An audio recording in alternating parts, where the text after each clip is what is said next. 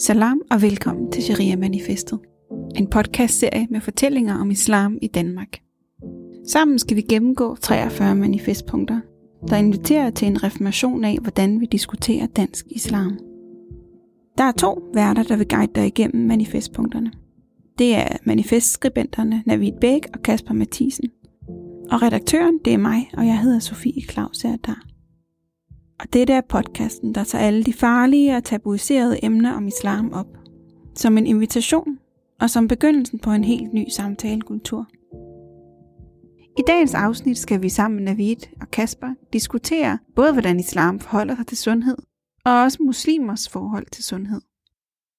Vores gæst er overlægen Morten Sodemann, der blandt andet arbejder på Indvandrermedicinsk Klinik, og så skal vi selvfølgelig også høre fra vores Voxpop-deltagere til sidst. I den seneste tid har muslimer og sundhed fået negativ opmærksomhed i pressen. I forbindelse med politisk og journalistisk fokus på smittetrykket i områder, som man vil anse som minoritetstunge, blandt andet i de somaliske miljøer i Aarhus og Voldsmose. Her blev de muslimske grupper udsat som særligt uforsigtige, og som særligt uinteresserede i at overholde regeringens coronatiltag så er der ganske enkelt for mange mennesker med ikke-vestlig baggrund, som er smittet. Men der må jo være et eller andet galt, så specielt jo lige nu i somaliske miljøer øh, og, og libanesiske. Bliver drevet en form for hets imod den her gruppe. Hvor Somalia har oplevet faktisk øh, det, vi kalder for hate crime, altså nogle generaliseringer, nogle tilsvinninger. Tilbage i 80'erne og i 90'erne var den stereotype opfattelse, at man som muslimsk tilflytter levede usundt. Man var tit overvægtig. Man forbandt ikke muslimske minoriteter med den danske tradition for at melde sig ind i idrætsforeninger. Men der er sket meget siden da. I islam er der en lang tradition for, at man spiser særlige madvarer, som nævnes i Koranen eller anbefales af profeten, og Guds fred være med ham. For eksempel har vi Nigella sativa, den lille sorte kerne, der kan helbrede alle sygdomme, bortset fra døden. Min pakistanske svigermor lægger mandler til at trække i vand natten over, for at holde sig sund. Og vi kan passe på vores tænder, takket være tandbørstetræet pelu, som på dansk kaldes et senopstræ, hvor vi får miswak-grenen fra. Jeg kan huske første gang, jeg så det i praksis, og blev enormt forvirret. Det var på en tur i Pakistan, hvor en meget traditionelt udseende mand så ud som om han børstede tænder i sin bil. Men det var en miswakgren, han havde i munden mellem hans store, hænderfarvede skæg. Manifestpunktet lyder sådan her. Kroppen er en betroelse fra Allah, som vi som muslimer har pligt til at passe på. Profeten understreger lægemets ret og vigtighed i det religiøse liv. Den profetiske praksis, herunder bøn og faste, er et direkte værn mod mange livsstilssygdomme. Profeten advarer specifikt mod alkohol, overspisning og fedme. Alt, der skader lænet, og opmuntrer til fysisk velvære og aktivitet, samt sunde og mådeholdende spisevaner.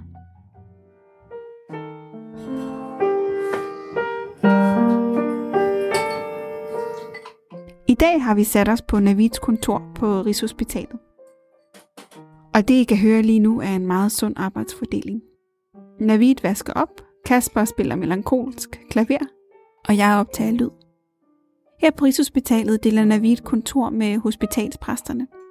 De udøver sjælesorg til danske borgere, der er ramt af livskriser, sorg, tab og dødserkendelse. Det er her, vi starter vores snak. Det første, der slår mig i, øh, i det her manifestpunkt, øh, det er det her med, at kroppen er en betroelse, som vi som muslimer har pligt til at passe på. Det er en, en, øh, en, en meget smuk øh, tilgang at have til sit læme. At det, det er netop noget, som, som vi har til låns. Ligesom vi har livet til låns, og ligesom vi har, har øh, Allahs gaver til os til låns. Det er noget, vi har fået, og det er noget, vi skal passe på. Og det er også øh, helt grundlæggende vores religiøse pligt. Måske du kan fortælle lidt om det der med, at profeten opmuntrer til fysisk velvære og aktivitet, samt sunde og mådeholdende spisevaner. Profeten han, han bevægede sig rigtig meget. Han, han, han, han lavede løbekonkurrencer, han, han, han ville ride, øhm, han kunne buskydning, øh, han kunne svømme og, og, og, og, og fægtning. Altså, at de, det var jo sådan de ting, som man lavede dengang øh, for at holde sig aktiv. Det her med at, at være dagligt i gang med at gå, som, øh, som, øh, som man snakker meget om også i almindelig hverdagssundhed, gå 10.000 skridt om dagen, det er også noget, som vi kan, kan finde igen fra profeten Sunna. Han sad ikke ude i et eller andet, øh, hvad kan man sige, et eller andet meget isoleret eller fjernt kloster og bare var stille. Han bevægede sig rundt, han gik rundt, han tog ud i naturen. Det er sunna rent faktisk at tage ud og besøge naturen, ud til vandet, ud til, til skoven, ud til hvor der er noget, der er grønt. Det var også sunna at slappe af om eftermiddagen. Altså hele den her øh, holistiske tilgang til livet og til, til ens øh, sjæl og krop, tror jeg er det helt grundlæggende, vi skal have med fra den klassiske profetiske øh, medicintradition. At man indtænker både psykisk og fysisk og kropsligt og mentalt i, det, i den samme øh, sundhedsopfattelse. Altså noget helt grundlæggende, det er jo sådan noget som, hvordan vi spiser. Der er en hadith fra profeten, al som siger, det, den ondeste beholder et menneske kan fylde op af maven. Så spis en tredjedel til mad, en tredjedel til vand, og efterlad den sidste tredjedel til, at du kan trække vejret. Det her det er så grundlæggende og så basalt et kostråd, men det kan forebygge så mange sygdomme. Og der kan vi se, at den profetiske vej er, så grundlæggende simpel, og, og sammenbinder den, den religiøse vej med, den, med sundhed. Når vi snakker om, om kroppen, øh, så er det en påmindelse om, at kroppen ikke skal glemmes, fordi sjælen kan vi jo alle sammen godt være enige i, at der ligger noget, øh, noget dybere i, i mennesker, set ud fra sådan et islamisk perspektiv, hvor vi er skabt af sjæl, og vi, der er blevet blæst ind i os fra en, fra en sjæl, Guds sjæl. Øh, men at, at kroppen er medvandrende i den rejse, og uden krop, så er der heller ikke nogen sjæl, øh, fordi kroppen er jo skal, og, og sjælen er det, som er, er pustet ind. Så, så der er en, en helt vanvittig vigtig lærdom i det her, at, at, at hvordan skaber man en, en balance mellem, mellem de her to ting, hvor, hvor det ikke kun bliver til en askese, hvor det er kun sjælen, der skal, der skal reddes, og kroppen er nærmest noget, der forgår. Øh, men, men hvordan kan kroppen være en medspiller i forhold til at opnå Guds nærhed og, og kærlighed? Den religiøse praksis har også en, en fysisk dimension og en sundhedsmæssig dimension, udover at den har en, en efterlivsdimension og et spirituelt dimension. Det er meget vigtigt, altså selv de helt basale praksiser, hvis man går ind og kigger på Nabawi, altså den profetiske øh, medicin, så nævnes både bøn og faste og mange af profetens almindelige religiøse praksiser som en del af den profetiske medicin. Altså det er en del af et sundt liv. Bønderne er selvfølgelig øh, primært noget med din, din spirituelle, de spirituelle forhold til, til Allah, men det er også noget, som, øh, som forebygger mange af de, øh, hvad kan man sige, livsstilssygdomme, som ligger i mere knyttet til det psykiske. Hvad sker der, når du laver dine, din bønder? Du trækker dig tilbage fra, fra hverdagens stress, du trækker dig ind i dig selv. Du tillader dig selv at trække vejret. Du tillader dig selv at stille dig på dit, på dit eksistentielle øh, fundament fem gange om dagen. Bønden har en enorm, øh, både fysisk, men også psykisk betydning. Altså det er simpelthen noget, der, der skaber et, et fundament, som gør, at, at hverdagen bliver lettere, og du forebygger de her øh, tilstande af stress eller øh, de her tilstande af, af psykisk ustabilitet eller af, af depression, alle de her ting. Så det du siger, det er, at man skal plette sin bedtæppe med vins beruselse, øh, og på den måde gå ind i bønden, hvor Gud er det centrale, hvor Guds relation er, er det vigtigste, hvor man glemmer alt om verden i, i den tid, man er i bønden. I hvert afsnit af Sharia-manifestet skal I høre en kort novelle, de små noveller fortæller om nogle af de spændinger og dilemmaer, som punkterne i manifestet håber på at åbne op for. Novellerne er læst op af den folkekære Isam B. Islam og sundhed Hafsas far har røget i over 30 år. I mere end en måned nu har han hostet voldsommere end normalt. Nogle gange mere blodigt slig. Han er klaget over smerter i brystet Hafsa, som selv studerer medicin på universitetet, frygter det værste, men holder sine tanker for sig selv. Den praktiserende læge sender dem med bekymrede mine videre til forskellige prøver og undersøgelser på hospitalet. Et par uger senere bliver de kaldt ind til en lægesamtale, og hele familien tropper op. De får at vide, at faren har fået lungekræft, og muligvis ikke har lang tid tilbage at leve i. På trods af Hafsers mistanke, rammer nyheden hende som en bombe. Hun føler sig magtesløs og uendelig trist. Som medicinstuderende er sig interesseret i prøverne, resultaterne og mulige behandlingsformer. Hun bruger meget tid på at undersøge forskellige aspekter af farens sygdom. Men hun oplever desuden, at mere eksistentielle spørgsmål dukker op i hendes bevidsthed. Hun er svær ved at forestille sig sit liv uden sin far. Omkring sig ser hun familien blive lammet og dybt påvirket af situationen. Hafsa har svært ved at finde svar på sine spørgsmål.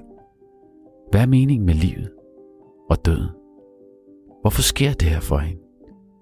Er hendes far selv skyld i kraften, fordi han har røget i så mange år? Eller er det i bund og grund Guds vilje og straf? Hvorfor rammer canceren lige hendes far, og ikke alle de andre mænd, der også ryger?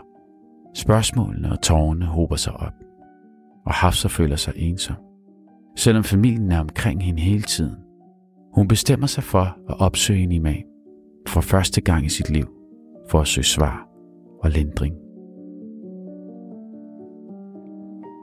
Nå, men Navid, nu har vi jo hørt den her historie om øh, Hafsa og hendes far, som dør af lungekræft, og hvordan øh, familien faktisk bliver rigtig hårdt ramt af det. Hun bliver rigtig hårdt ramt af det. Sygdommen den åbner op for en masse andre ting end bare det at være fysisk syg.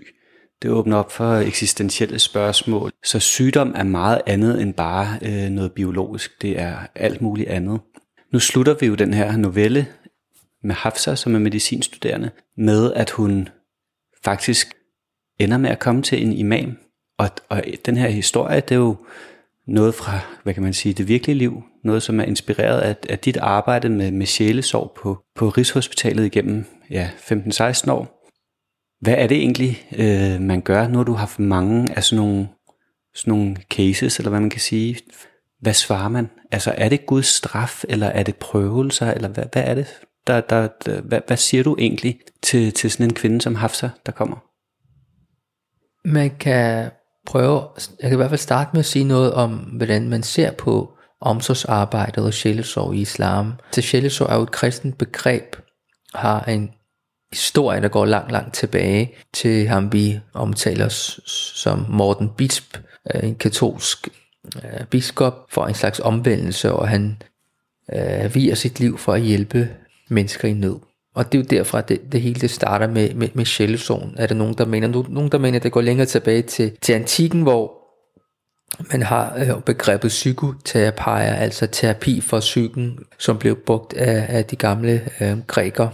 Men i forhold til den islamiske forståelse, så har vi jo et begreb, som hedder nasiha, at dino nasiha, at religion er, er samtale, er rådgivning. Øhm, man kan også forstå det på andre måder. Vi har også et ord, der hedder asan, som betyder at, at handle smukt øh, og gøre noget skønt. Og egentlig oprindeligt kommer ordet fra husn, som, som er skønhed. Så det ligger implicit, implicit i den måde, vi som muslimer forstår øh, omsorg på, at vi skal tage hånd om andre mennesker, som er i nød. Og den teologi øh, er jo så det, vi bruger øh, som muslimer og muslimske sjælesørger til at indgå i, i, i samtaler med personer, som er i, i nød og, og har brug for støtte og, og rådgivning. Og Hafsa her, for at være sådan mere konkret, det er klart, fordi når jeg taler med hende, og hun og lignende øh, personer søger kontakt til mig, det vidner om flere ting. Det første det er, at, at de gerne vil have et svar. De vil gerne tale med nogen, som har et kundskab, har en viden, har en erfaring i, i samtaler. Og, øh, og det vidner jo om, at vi netop har brug for muslimske sjælesøver, der er uddannede, som, som ved, hvordan de skal tale med med mennesker, som er i krise, blandt andet, øh, men i det hele taget, hvordan taler man med mennesker i forskellige øh, livssituationer. Det vidner også om, at der er et stort behov. Øh, det vidner også om, at det stopper ikke bare ved at læse Koranen, øh, hvor man kan læse sig frem til, at sygdom er prøvelser. Det er bala, det er øh, test, som mennesker får. Men man har brug for at dele sine tanker med nogle andre, også dem, som har, har viden på området. Øhm, så helt konkret vil jeg jo nok til udgangspunkt i hende selv. Hvad er hun opdraget med? Hvad tænker hun om hele situationen til at starte med? Øh, og hvis hun spørger mig konkret, jamen, hvad mener du? Er det, øh, er det Guds straf, eller er det fordi min far ikke har passet godt på, på sig selv? Øh, eller er det noget helt tredje? Så vil jeg gerne bevæge mig ind og prøve at, at fortælle, hvad jeg selv synes. Fordi der er en grund til, at hun har valgt at snakke med mig. Og hvis hun spørger min personlige mening, så kan jeg ikke bare sige, at det, det ved jeg ikke, eller det vil jeg ikke sige noget om. Det, det vil jeg gerne, og som sjælesover har vi også en mulighed altid for, at rokke på vores øh, patienter, og de mennesker, vi har foran os, øh, og, og nogle gange sådan ruske i, i, i dem, øh, og, og på den måde ændre deres, øh, deres syn. I hvilke tilfælde har man brug for at ruske i dem? Hvornår vil du gøre det? Jamen, det er, hvis de står fast i et særligt gudsbillede, og jeg har ligesom brug for måske at, og for eksempel, der er også en anden gudsbillede her. Altså, du kan også se Gud på en anden måde, end du gør her. Eller ligefrem, hvis der er noget, der provokerer mig, kan jeg også stille dem nogle modspørgsmål. Der var en kvinde, som sagde til mig, hun vidste godt, hvorfor hun havde mistet sit lille barn på, på få, få uger efter øh, fødslen. Og jeg spurgte hende så meget nysgerrigt mig, fortæl, og så sagde hun, det er fordi, jeg ikke går med tørklæde. Og der måtte jeg jo ligesom udfordre hende. Så, så, altså, så som sjælesøver skal man ikke gå med på alt det, som patienterne siger. Vi bliver også nødt til at udfordre dem nogle gange. Og der sagde jeg til hende i en kort bemærkning, lægger din islam i de tørklæder? Og så var det helt stille. Og så tænker jeg godt, hun ligesom selv kunne, kunne regne med. Så jeg tror, at en sjælesøvers, op, øh, opgave er også at åbne op for, for, for patienternes og de mennesker, vi har foran os, deres forståelser på en eller anden måde, og, og rokke ved dem, og give dem noget stof til eftertanke, som det hedder så fint. Jeg synes, vi bliver nødt til også at, at prikke til dem nogle gange, og stadigvæk være sammen med dem, og være forstående, og, og rummelige, og nærværende, og nænsomme, og alle de ting, som hører med. Men Hafsa her øh, vil jeg jo nok sige, at, øh, at, at i bund og grund, så, så ved vi det jo ikke. Uh, vi står med en usikkerhed. Vi, vi kan prøve at forholde os til Koranen siger, at sygdom og, og krisesituationer er, er prøvelser fra Guds side. Øhm, er det sådan, hun ser det? Er det sådan, hendes far ser det? Øhm, vi ved også, at øh, profeten, øh, med Guds fred med ham, har bedt os om at passe på vores krop. Uh, og at hvis vi ikke passer på vores krop, så kan der være nogle, øh, øh, ja, der, der kan være konsekvenser for det. Og profeten gjorde meget ud af at selv at passe på sin egen krop. Øhm, øhm, så det er sådan nogle ting, vi, jeg, jeg vil tale med hende om, altså, uden at egentlig sige, jeg ved lige præcis. Og det er der, hvor jeg tror nogle gange, at sjælesøvne, de rammer ved siden af, det er, når de ved lige præcis, hvad der er årsagen. Altså, jeg synes ikke, at det er en sjælesøvns opgave at sige lige præcis, at I nu ved jeg med sikkerhed. Og det er den der nogle gange, hvor jeg kan blive sådan lidt utryg. Men vi kan prøve at rumme, vi kan prøve ligesom at give de forskellige muligheder, der er. Det er også det, vi, vi, vi blandt andet har lidt øh, fokus på i, i øh, ugens novelle. Det er det her med, at i de øjeblikke, hvor vi virkelig bliver skubbet ud i tårne af livet, og hvor vi mærker modgangen og smerten og lidelsen allermest, det er også der, hvor vi på den ene side, som du siger, bliver skubbet til at stille de store eksistentielle spørgsmål, og til at gribe ud efter Allah, men det, bliver også, det er også der, hvor vores vrede og vores uforståenhed over for Allah, over for vores skæbne, eller vores forældres skæbne, eller vores, vores kære skæbne, opstår. Altså, den, der, der er hele sådan det her øh, voldsomme hav af følelser, øh, forbundet med modgang og sygdom. Og, øh, og der er ikke nogen følelser, der er forkerte. Og det er måske også noget af det, det som jeg vil stå i slag for, det at sige til muslimer, at der er ikke nogen følelser, der er forkerte. Der er mange, der tror, kan, må vi egentlig tænke om det, eller må vi føle det? Og der plejer jeg at sige, at I kan tænke og føle alt det, I vil. Spørgsmålet er, hvad I gør ved de følelser. Hvor er det, de leder frem til? Er der noget opbyggeligt i, i det, I går rundt og, og tænker? Og, og hvordan når man dertil? Det, det synes jeg, det er, der, det, det er, der, der, det er spændende. Mm. Som udgangspunkt skal vi have tilladelse til at føle alt og, og tænke alt, øh, fordi det giver os en stor frihed til, at vi også kan få øh, større indsigter mm. i, i livet, og mm. som du nævner, de store eksistentielle spørgsmål. Når vi begrænser os til, at du, du skal bare være tålmodig. Ikke? Det, det, det er den profetiske praksis. Du skal være tålmodig. Punktum. Jamen så er vi også med til at begrænse. Vi har en meget, meget interessant historie fra profeten, hvor han besøger et begravelsesplads, eller går forbi et begravelsesplads. Øh, det er en hadith, autentisk hadith, hvor han går forbi en begravelsesplads, og der er en kvinde, der har mistet sit barn, hun står og græder. Og, og profeten går forbi og siger øh, til hende, øh, giver hende nogle gode råd og siger, du skal være tålmodig.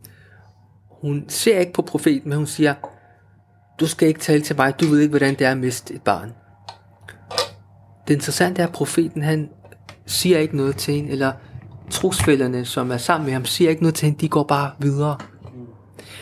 Bagefter så får hun at vide, at det var faktisk profeten, der sagde det til dig. Og hun øh, henvender sig til profeten bagefter og opsøger ham derhjemme, hvor de så har en, en samtale omkring det, der var sket. Pointen er bare det, at profeten han lader hende være i sin følelsesvold, fordi han kan godt se, at hun skal have plads til at føle det, hun har øh, på hjertet lige nu. Når man mister sine forældre, sine børn, alle de her ting, hele det her, øh, øh, alle de her zoner af smerte og lidelse, er også en del af sygdommen. Selvom det ikke er dem, de berørte, eller de, de, de, de pårørende, som bliver syge eller dør, så, det, så forplanter smerten sig, men også erkendelserne og, og muligheden for at, at drage tættere på Allah. Ja, du nævner også pårørende her. Det, det synes jeg også er interessant i forhold til, til hospitalet her, og, og, og noget af det, som, som jeg har arbejdet med i sidste 15-16 øh, år. Øh, at noget af det personale synes er svært, det er, når der kommer mange pårørende op på en afdeling, og give udtryk for deres følelser. Øh, øh, nogle gange på en uhensigtsmæssig måde, fordi det går ud over ikke kun dem selv, fordi de slår dem selv nogle gange og, og falder om og besvimer, øh, men, men også at det går ud over patienten, men også andre patienter, der ligger på afdelingen. Men det går også ud over personalets evne til at give optimal pleje og behandling nogle gange, fordi der er så mange mennesker, der er på en stue, at de føler, at de ligesom kan komme igennem, eller de bliver overvåget, og helt den, øh, den, øh, den side af, af, af, af sagen. Så jeg vil også sige, at den bedste form for, for sygebesøg, det er den, som er passende kort. Det er også for en hadith omkring sygebesøg. Nu skal vi videre til vores interview med Morten Sodemann, professor på Syddansk Universitet og overlæge på Indvandrermedicinsk Klinik. Han har skrevet bogen Sårbar, det kan du selv være. En bog, der handler om det almindelige menneskelige i, at alle kan blive sårbare og om vigtigheden af at give minoriteter de rigtige værktøjer, så de ikke ender som unødvendigt udsatte. Mortens passion for at arbejde med mennesker i eksil og deres særlige situation med sundhedsvæsenet i Danmark startede, da han selv erfarede, hvordan det er at være tilflytter til et andet land. Under et arbejdsophold i Afrika blev Morten selv syg og erfarede, hvordan det er svært, når man er ude i tårne i et andet land. Han kunne ikke finde ud af at udtrykke smerte på den måde, som man skulle udtrykke smerte i Afrika. Og han erfarede, hvad det gør ved os som menneske, når vi ikke føler os hørt eller set.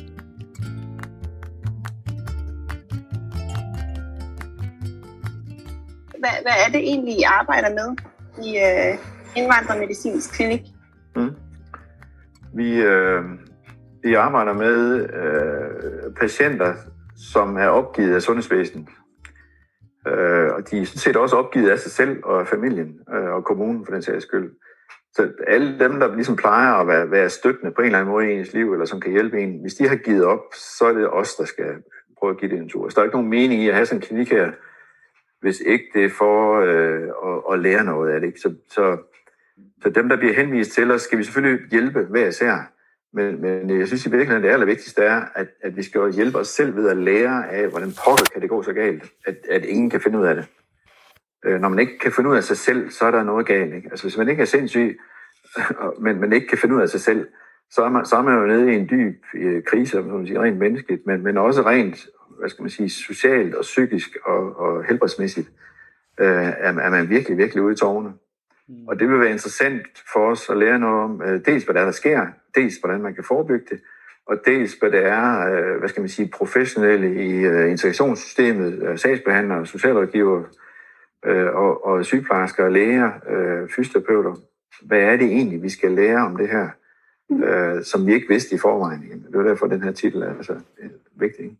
Mm. Så, så, så vi er jeg plejer at sige, det er sådan nogle hammerikommissioner. Altså, det, det er fly, der er faldet ned, ikke? og så skal vi prøve at rulle filmen baglæns op. Hvad var det egentlig, der skete her? Ikke? Og, mm. og det vi kunne se var, at de er blevet undersøgt. Øh, de er scannet og taget både prøver og fået medicin og utallige gange i, i mange, mange år, det hjalp så ikke rigtig noget. Så det er jo ikke, det vi plejer at gøre, det virkede ikke. Mm. Øh, og det vi fandt ud af, det var, når man skal starte forfra på noget, så, så må man jo kaste bolden tilbage, så, så fortæl mig din livshistorie. Skal vi prøve at starte der? Ikke? Ja. Øh, og det var egentlig patienterne, der ret hurtigt gav os det clue, at øh, jamen, hør på mig. Og, og jeg har et liv, øh, som ingen rigtig vil høre på, men som betyder noget. Mm. Jeg ved ikke hvordan, men jeg kan mærke, at det betyder noget. Jamen, så fortæl mig din livshistorie. Jeg skriver, og du snakker. Er det, øh, hvad, er det nogle borgere, der, har, der lige er kommet til landet, som bliver henvist til jer, eller er det, er det, er det, er det borgere, der har boet her i lang tid? I, vi øh, havde gjort op første gang, da vi havde eksisteret fem år. Øhm, og der havde de boet i Danmark i gennemsnit, jeg tror det var 13 år. Øhm, nu er der jo så været en, en en situation, hvor der er kommet mange syriske flygtninge, og der er jo nogle af dem, som, som er meget tidligt blev, blev påvirket meget kraftigt, dels af krigen derhjemme, ikke? men også af, at de faktisk ikke måtte blive, blive her alligevel, da det kom et stykke, og, og fik sådan korte opholdstilladelse. Øhm, så så øh, den, den, øh, den etniske gruppe, der er de yngre end, end i de andre. Øh, ellers så er de altså typisk omkring 12, 13, 14 år, de har, har, har boet. Hvad vil du, du sige om det her med, hvordan man giver op? Altså, hvad er det, der sker? Altså, der, der er det der øh, opgivenhedssyndrom er faktisk et, et syndrom, der er beskrevet i Sverige blandt øh, børn af asylansøgere. Mm-hmm. Så det er, det er unge øh, børn og unge voksne, som begynder at vegetere øh, og holder sådan op med at interagere og ligger bare og kigger ind i væggen. Sådan meget u, øh, ubørneagtigt øh, på mange måder. Mm-hmm. Øh, og man var lidt usikker på, om det sådan var en, var en social epidemi, eller hvad det var, men der var i hvert fald rigtig mange af de der børn. Jeg tror egentlig bare, det var, at, at det, var, det er bare opgivenhed. Altså, det, det er der ikke nogen tvivl om. Men at man manglede måske et fysisk udtryk for det, og der tror jeg, der var, der var nogen, der ligesom så en, en model i, bare, og så bare lægge sig ned og lade som ingenting, og, og, og håbe på, at, at øh, når man lukker øjnene op igen, så er det væk. Mm. Som, som børn nu kan gøre. Ikke? Øhm, og det, var specifikt, hvad skal man sige, børnepsykiaterne beskrev det som, som et opgivenhedssyndrom. Så det er sådan en specifik problemstilling, sådan semi-psykologisk problemstilling, man, man har observeret hos børnene. Mm. Øh, det, som vi øh, ser, er, øh, jeg, jeg kalder det enten så, øh, dekompensering, øh, demoralisering eller desintegration. Øh, og det vælger vi bevidst at kalde det desintegration, fordi det i virkeligheden er en proces, hvor man faktisk starter med at integrere sig. Altså i øh, samfundet? Der, der er jo sådan en... Hvad siger du? Altså som borger i et nyt samfund? Som er borger i et nyt samfund. Øh, og, og nu det er jo primært flygtninge, vi har med at gøre, men, men at de, øh, der kommer sådan en lang honeymoon-fase, hvor alt er godt. Mm-hmm. Man er sluppet væk, man har fået lov at være her, i hvert fald lidt. Øh, og, og øh, børnene kommer i skole, og der er tøj, og der er IKEA-møbler, og der er en lejlighed, og men ofte så kommer man, bliver man placeret i nogle relativt små samfund, hvor man hurtigt kommer til at kende nogen. Øh, forældrene kommer i sprogskole og, og kommer i praktik, og der, og der, det hele er programmeret og rutinepræget og forudsigeligt, og, og virkelig, virkelig fedt, når man har levet 10 år øh, under en julesæk og, og, og forfulgt og beskudt, eller ved jeg. Og der har man sådan en lang periode, hvor man faktisk lever på en sky, og måske, måske ikke altid lige får reflekteret så meget over, hvad det er, der foregår, men man lader sig sådan ligesom flyde med strømmen af integrationsopgaver, øhm, og lade sig integrere på en eller anden plan. Og mange af dem siger også, at de har faktisk været, på det tidspunkt var de, var de gode til dansk, og, og hjælp andre, der kom efter dem fra samme, øh, fra samme land. Ikke? Mm-hmm. Så de blev sådan en slags tolke og kulturmediatorer. Ikke? Men så er det sådan, en, vi kan regne ud, at omkring 8-9 procent af krigsflygtninge, de når ikke rigtig alligevel at få fat Altså, de kan godt køre lidt på renommeret rygmagen, når, når integrationsperioden så er overstået, men, men øh, de når ikke helt at få lært dansk. Øh, de når ikke helt at få en tilknytning på arbejdsmarkedet. Børnene begynder at stikke af fra dem øh, på alle mulige måder, sprogligt og, og kulturelt og socialt, øh, og, og, og får deres eget liv, som forældrene prøver at kontrollere, og så bliver det sådan noget konfliktfyldt noget, og enormt opslidende. Ja. Øh, ægtefælderne kan gå hinanden på nerven, når man bliver skilt, man bliver fyret, man dumper til dansk eksamen, man mister familiemedlemmer derhjemme, så ligesom begynder det hele sådan at blive rodet sammen. Øh, og så får man et brev om, at man skal til at søge om asyl. eller forlængelse af, permanent, øh, af opholdstilladelse osv., altså, pludselig begynder tingene at æde sig op til, at man næsten ikke magter det mere. Og så sker der en eller anden social begivenhed, og det kan være ingenting, man er ved at blive kørt over, eller, eller dummer til dansk, eller kommer ud for en arbejdsulykke, eller at en af børnene bliver ked af det i skolen, eller bliver skældt ud, eller andet. Og så begynder man at, at, at ligge vågen om natten, øh, man begynder at få mareridt, man får genoplevelser, om dagen begynder man at få ukontrolleret genoplevelser af de ting, man har oplevet. Og det begynder sådan ligesom at, at tage over. Øh, så, så sådan problemer, man egentlig havde løst, de bliver til problemer igen. Eller problemer, man havde glemt eller sagt pyt til, de bliver til problemer igen. Så alt det der vraggods, man kan have i livet, det bliver pludselig taget op igen og, og bliver revideret og får lov at, ligesom at komme ned i den samme gryde. Og så mister man overblikket, så demoraliseres man og ender i sådan en desintegreret funktion, fordi, eller tilstand, hvor man jo egentlig kom fra at være pænt integreret, må man ja. sige. Og mange beskriver det sådan i den proces, og det gjorde det allerede efter de første 100 procent, kunne vi se, det er simpelthen det, der er mønster. Mm. Dem, der falder udenfor, følger fuldstændig det samme mønster. Og så får man at vide, at man skal til at rejse hjem, fordi nu er der trykket hjemme i... Øh, nu skal man så til at rejse hjem ovenkøbet, ikke? Øhm, det, som mange måske ikke øh, rigtig forstår som, som danskere, det er jo, at, at en familie på fem er jo ikke altid kommet samtidig, sjældent i hvert fald. Øh, så, så der er, er forskellige tidspunkter, der skal søges om forlængelse på. Øh, og hvis man er en 5-6 mennesker i en familie, så betyder det, at der er altid nogen, der enten skal til at søge, har søgt og venter på svar, øh, eller er ved at søge. Ikke? Så der er hele tiden sådan noget proces i familien, hvor nogen er usikker på, øh, om, om, øh, om nu går jeg i skole, men jeg så kommer hjem, er mor der så stadigvæk? Mm. Og det er noget, næsten alle børn kan, kan forklare, at, øh, at de sidder egentlig hen i skolen og er mest bange for, at øh, en af forældrene er væk, når de kommer hjem. De unge specielt lever øh, mega mange dobbeltliv, altså trippel, trippel, trippelliv næsten, øh, og, og klager over, at det er for hårdt i længden, de brænder ud, øh, når de er 30. Ikke? Så har de fået en uddannelse, de har fået de tre børn, de skulle have, og har passet familien og været advokater og tolke og jurister og jeg ved ikke hvad. Øh, så skulle de også lige have børn og en uddannelse, ikke? og så skal de se at arbejde, så magter de ikke mere. Mm. Så, så går de ned, de brænder simpelthen ud, dem har vi en, nogle stykker af. Og det er også noget af det, vi prøver at kigge på, øh, hvordan kommunerne måske også misbruger pårørende, øh, og sundhedsvæsenet også for den sags skyld, misbruger pårørende som sådan nogle øh, ja, bekvemme øh, velfærdskoordinatorer og kulturmediatorer og jurister og socialrådgivere. Ja. Når man nu ikke selv magter det, så er det jo nemt at bruge dem, der, der kan dansk. Ikke? Hvad, hvad ligger der i det her med, med, med en sammenhæng mellem eksil og sundhed og, og fremmedgjorthed, eller øh, at være flygtning og det her? Jeg har arbejdet en del år i Vestafrika. Øh, det som, øh, som lægestuderende med forskning, og senere også som Ph.D. Øh, og det er, faktisk, det er faktisk en selvoplevet fornemmelse af, at, øh, at man konstant er bange. Øh, og det tog mig lang tid at finde ud af, hvad var jeg var bange for. Jeg var bange for at blive syg og ikke kunne udtrykke det på en måde, så jeg ville kunne få den hjælp, jeg gerne ville have. Altså, det blev simpelthen sådan en grundstemning og sådan en grundfrygt.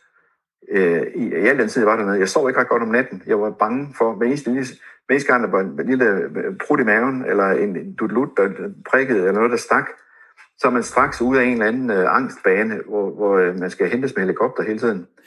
øhm, så, så det er sådan en konstant, øh, ligesom sådan en bilalarm, der hele tiden går af men også en, en frygt og en angst, som det, det tager jo båndbredde. Altså, der er jo ikke noget, der kan æde, hvad skal man sige, mental båndbredde op, som, som, som angst for noget uspecifikt, øh, som man ikke engang rigtig kan sætte ord på, for den skyld. Men det tog mig lang tid at finde ud af, at det var det. Det var faktisk først, da jeg kom hjem, mm. at det gik op for mig. Men der er, og, og det er faktisk det, vi genfinder hos, hos alle vores patienter, at de er bange for, øh, og har erfaring for ikke at blive forstået, og har erfaring for ikke at blive hørt, set, hørt og forstået. Men som, som en sagde, jeg er bange for at dø på et sprog, jeg ikke taler. Mm. Så, så det, det er ekstremt svært at være, være i, ude i banderne af, af livet, øh, ude i, i tårne, ikke? Øh, når man er i eksil, fordi man, øh, man, man skulle egentlig være et andet sted, øh, og, og man er konstant voldsomt bange. Mm. Øh, og, og lige nu er vi jo så i gang med at prøve at bruge nogle af de erfaringer faktisk til et, et, et, et nyt fag på, på lægestudiet, øh, som hedder narrativ medicin. Ikke? Altså de her tilgange er jo sådan lidt narrativ, altså fortællende, og prøve at genskabe sammen med patienten noget mening. Så sådan samskabelse og narrativ medicin er jo nogle af de vigtige produkter, der kommer ud af det. Det er jo noget almindeligt med, som alle så patienter har brug for. Så, så de her patienter har lært os meget mere, end nogen andre patienter nogensinde har gjort, omkring hvad der sker med mennesker, når de bliver syge, men også hvordan man så går til øh, komplekse problemstillinger hos patienter øh, som, som, øh, som værktøj. De her værktøjer er udviklet på flygtninge indvandrere, fordi det er, de er virkelig sårbare, så, så det er meget nemt at studere, kan man sige. Det er almindelige menneske. Det er meget tydeligt, hvad det almindelige menneske er. Jamen, tusind, tusind tak så, Morten. Det var virkelig, virkelig berigende, øh, synes jeg. Og spændende.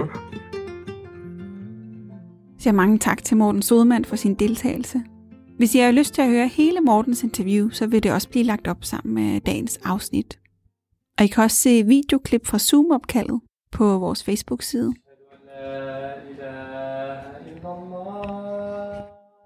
Vi skal tilbage til Rigshospitalet nu, hvor vi starter med at tage en bedepause i det nyrenoverede bederum for muslimer.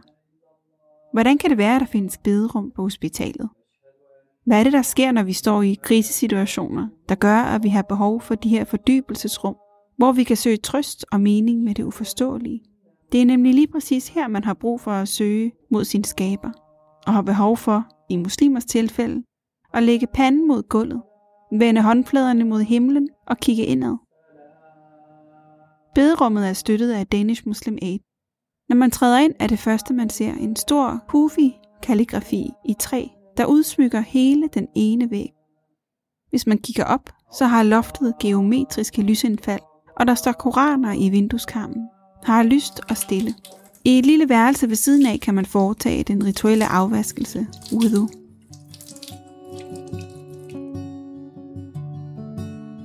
Sundhed, det er noget, du gør i din hverdag.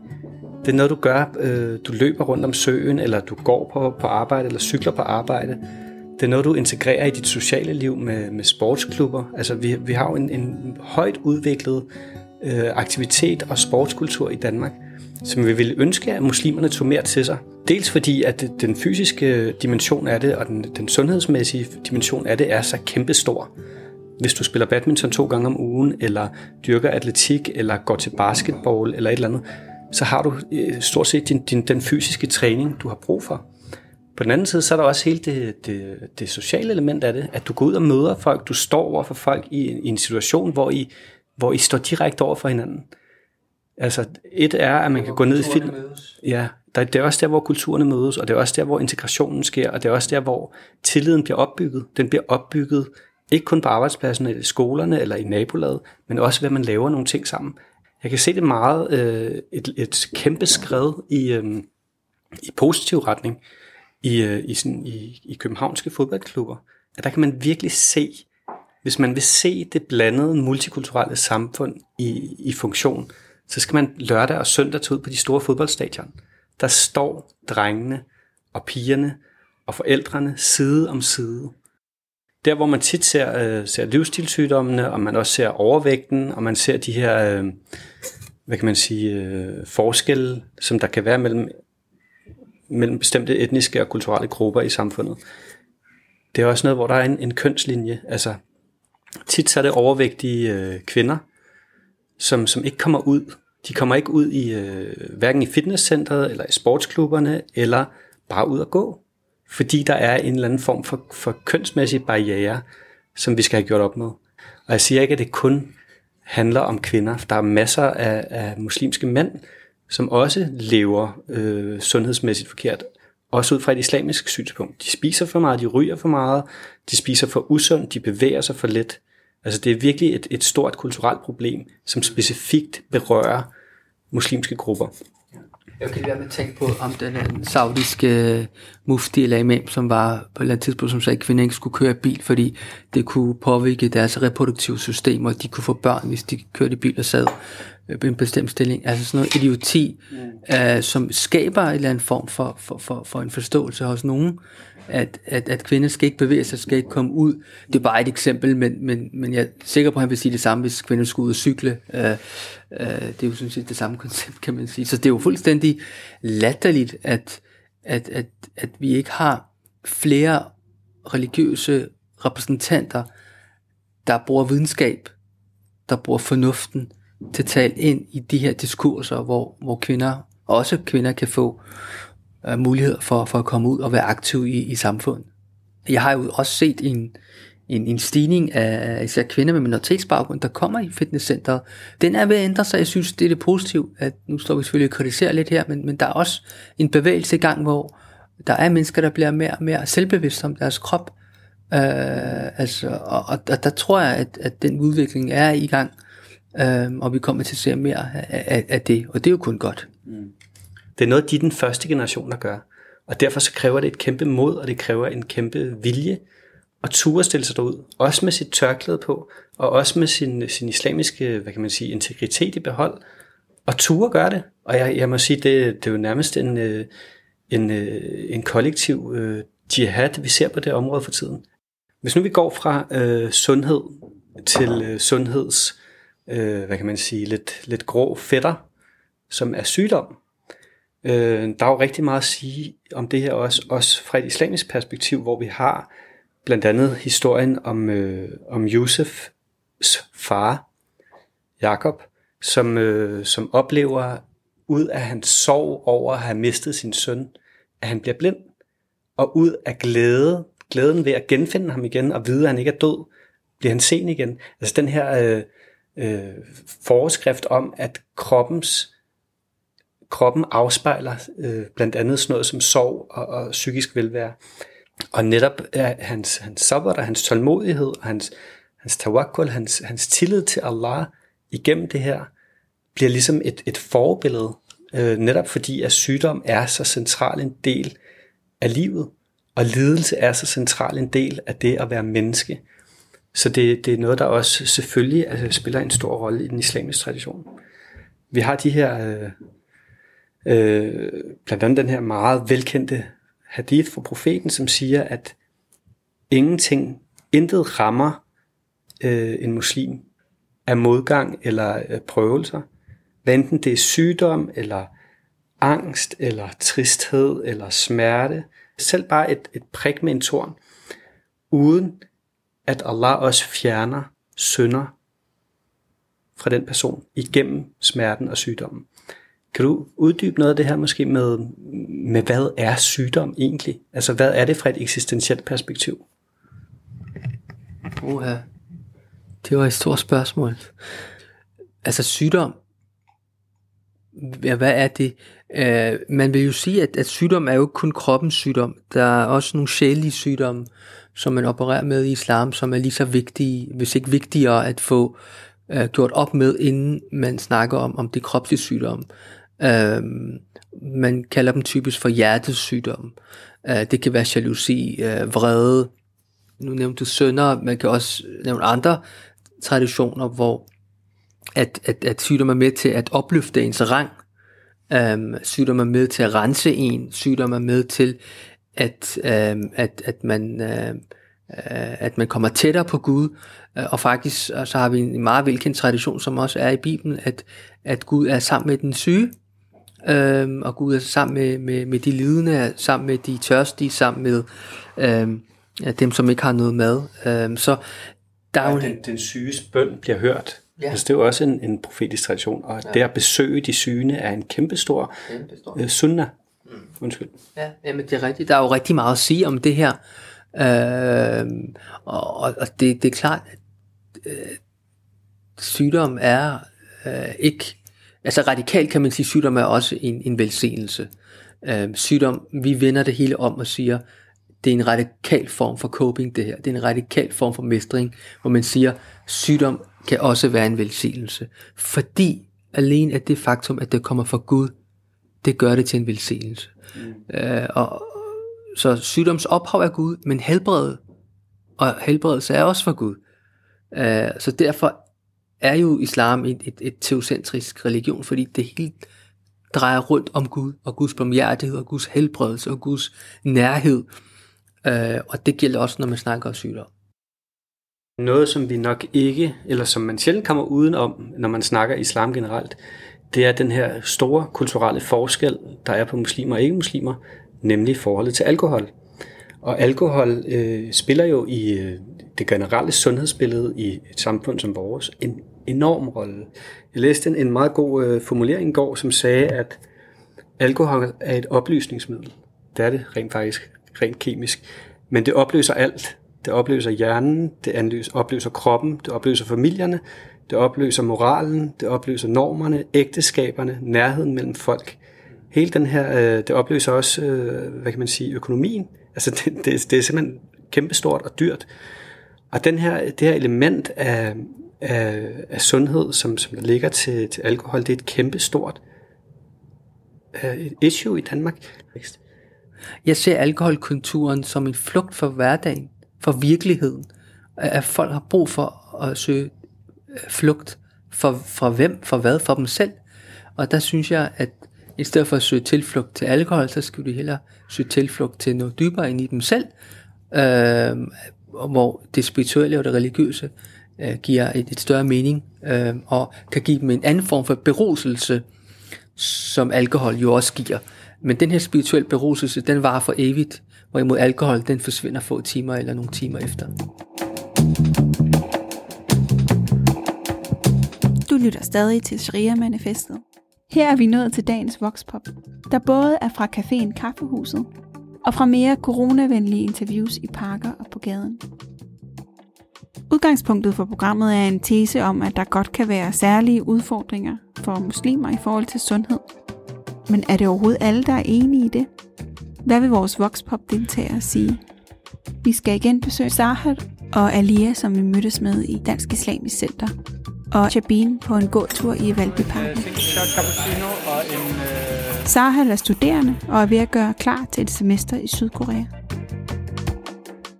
Jeg har spillet fodbold hele mit liv.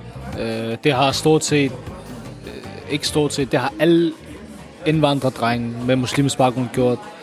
Øh, min kusiner for eksempel, jeg har en kusine, to kusiner, øh, som bærer tørklæde, øh, som har sort bælte i taekwondo for eksempel. Øh, og hende slås jeg med her forleden sådan for sjovt, ikke? Og da jeg lå på gulvet. Det var mere, hun, hun kunne give et spark, eller hun sagde, hun kunne give mig et spark, som jeg ikke troede på, hun kunne gøre, ikke? Øh, og så gjorde hun det så, og så lå jeg bare på gulvet og tænkte, hvad, hvad skete der her?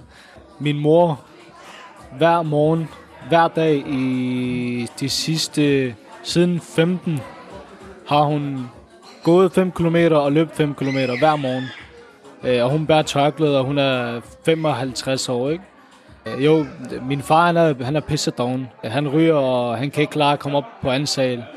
Så det kommer an på, sådan der, hvem man er som person. Ikke? Altså, du ser jo, hvis du, op, hvis du tager op til fitness, så, så er det næsten mørkt, så mange indvandrere der er deroppe. Ikke? Altså, det, islam og motion og sådan, det er jo, det er jo sundt for eksempel at ride og, eller bryde og, og sådan der. Altså, det er jo, altså, man får jo gode gerninger er at holde sig i form og ride for eksempel. Fægtning, jeg har gået til fægtning, da jeg var lille. Bare lige forlængelse af det, du sagde, ikke? Øh, så nej, det har, jeg, jeg mener ikke, at, øh, at islam og sundhed har noget med hinanden at gøre. Øh, der er også, øh, sat kig på USA for eksempel. Der er der flest ikke-muslimer dernede, og de er jo, jeg har været i USA tre gange, de er alle sammen pisse fede. Øh, så de, det har ikke noget med, hvilken religion man det er bare med, om man er glad for mad og doven, eller om man ikke er. Øh, der er mange, der er glade for mad, men stadig holder sig i form, ikke? Og det har ikke noget med, altså, det har slet ikke noget med religion at gøre.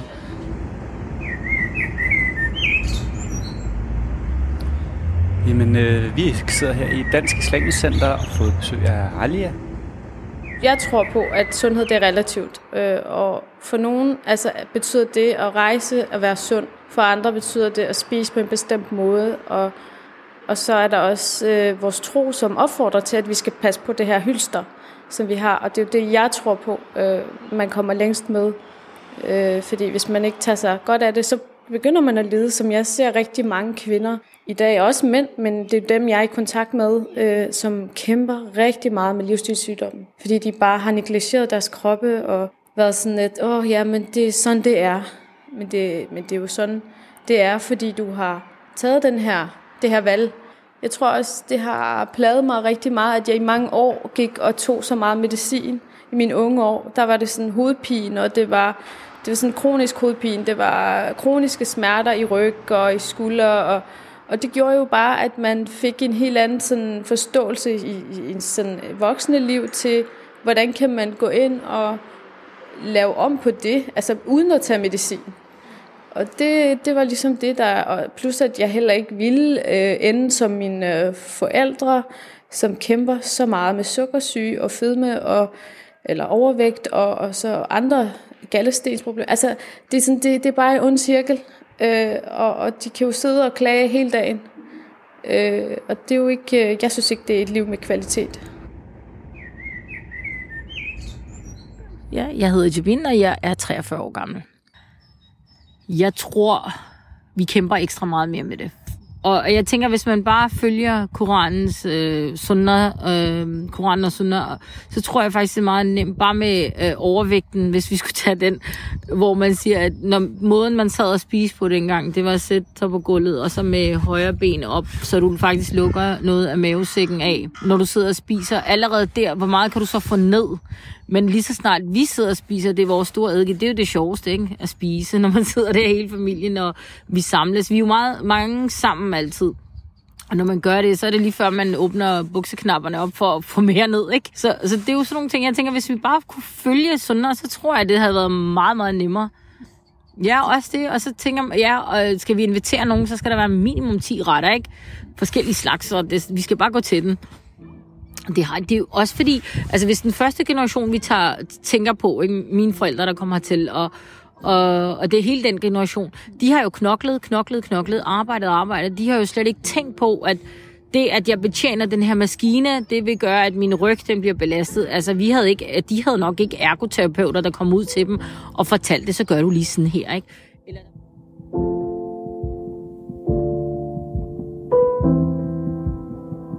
Vi takker for, at I har lyttet med, og vi vil gerne sige tak til vores gæster for deltagelse.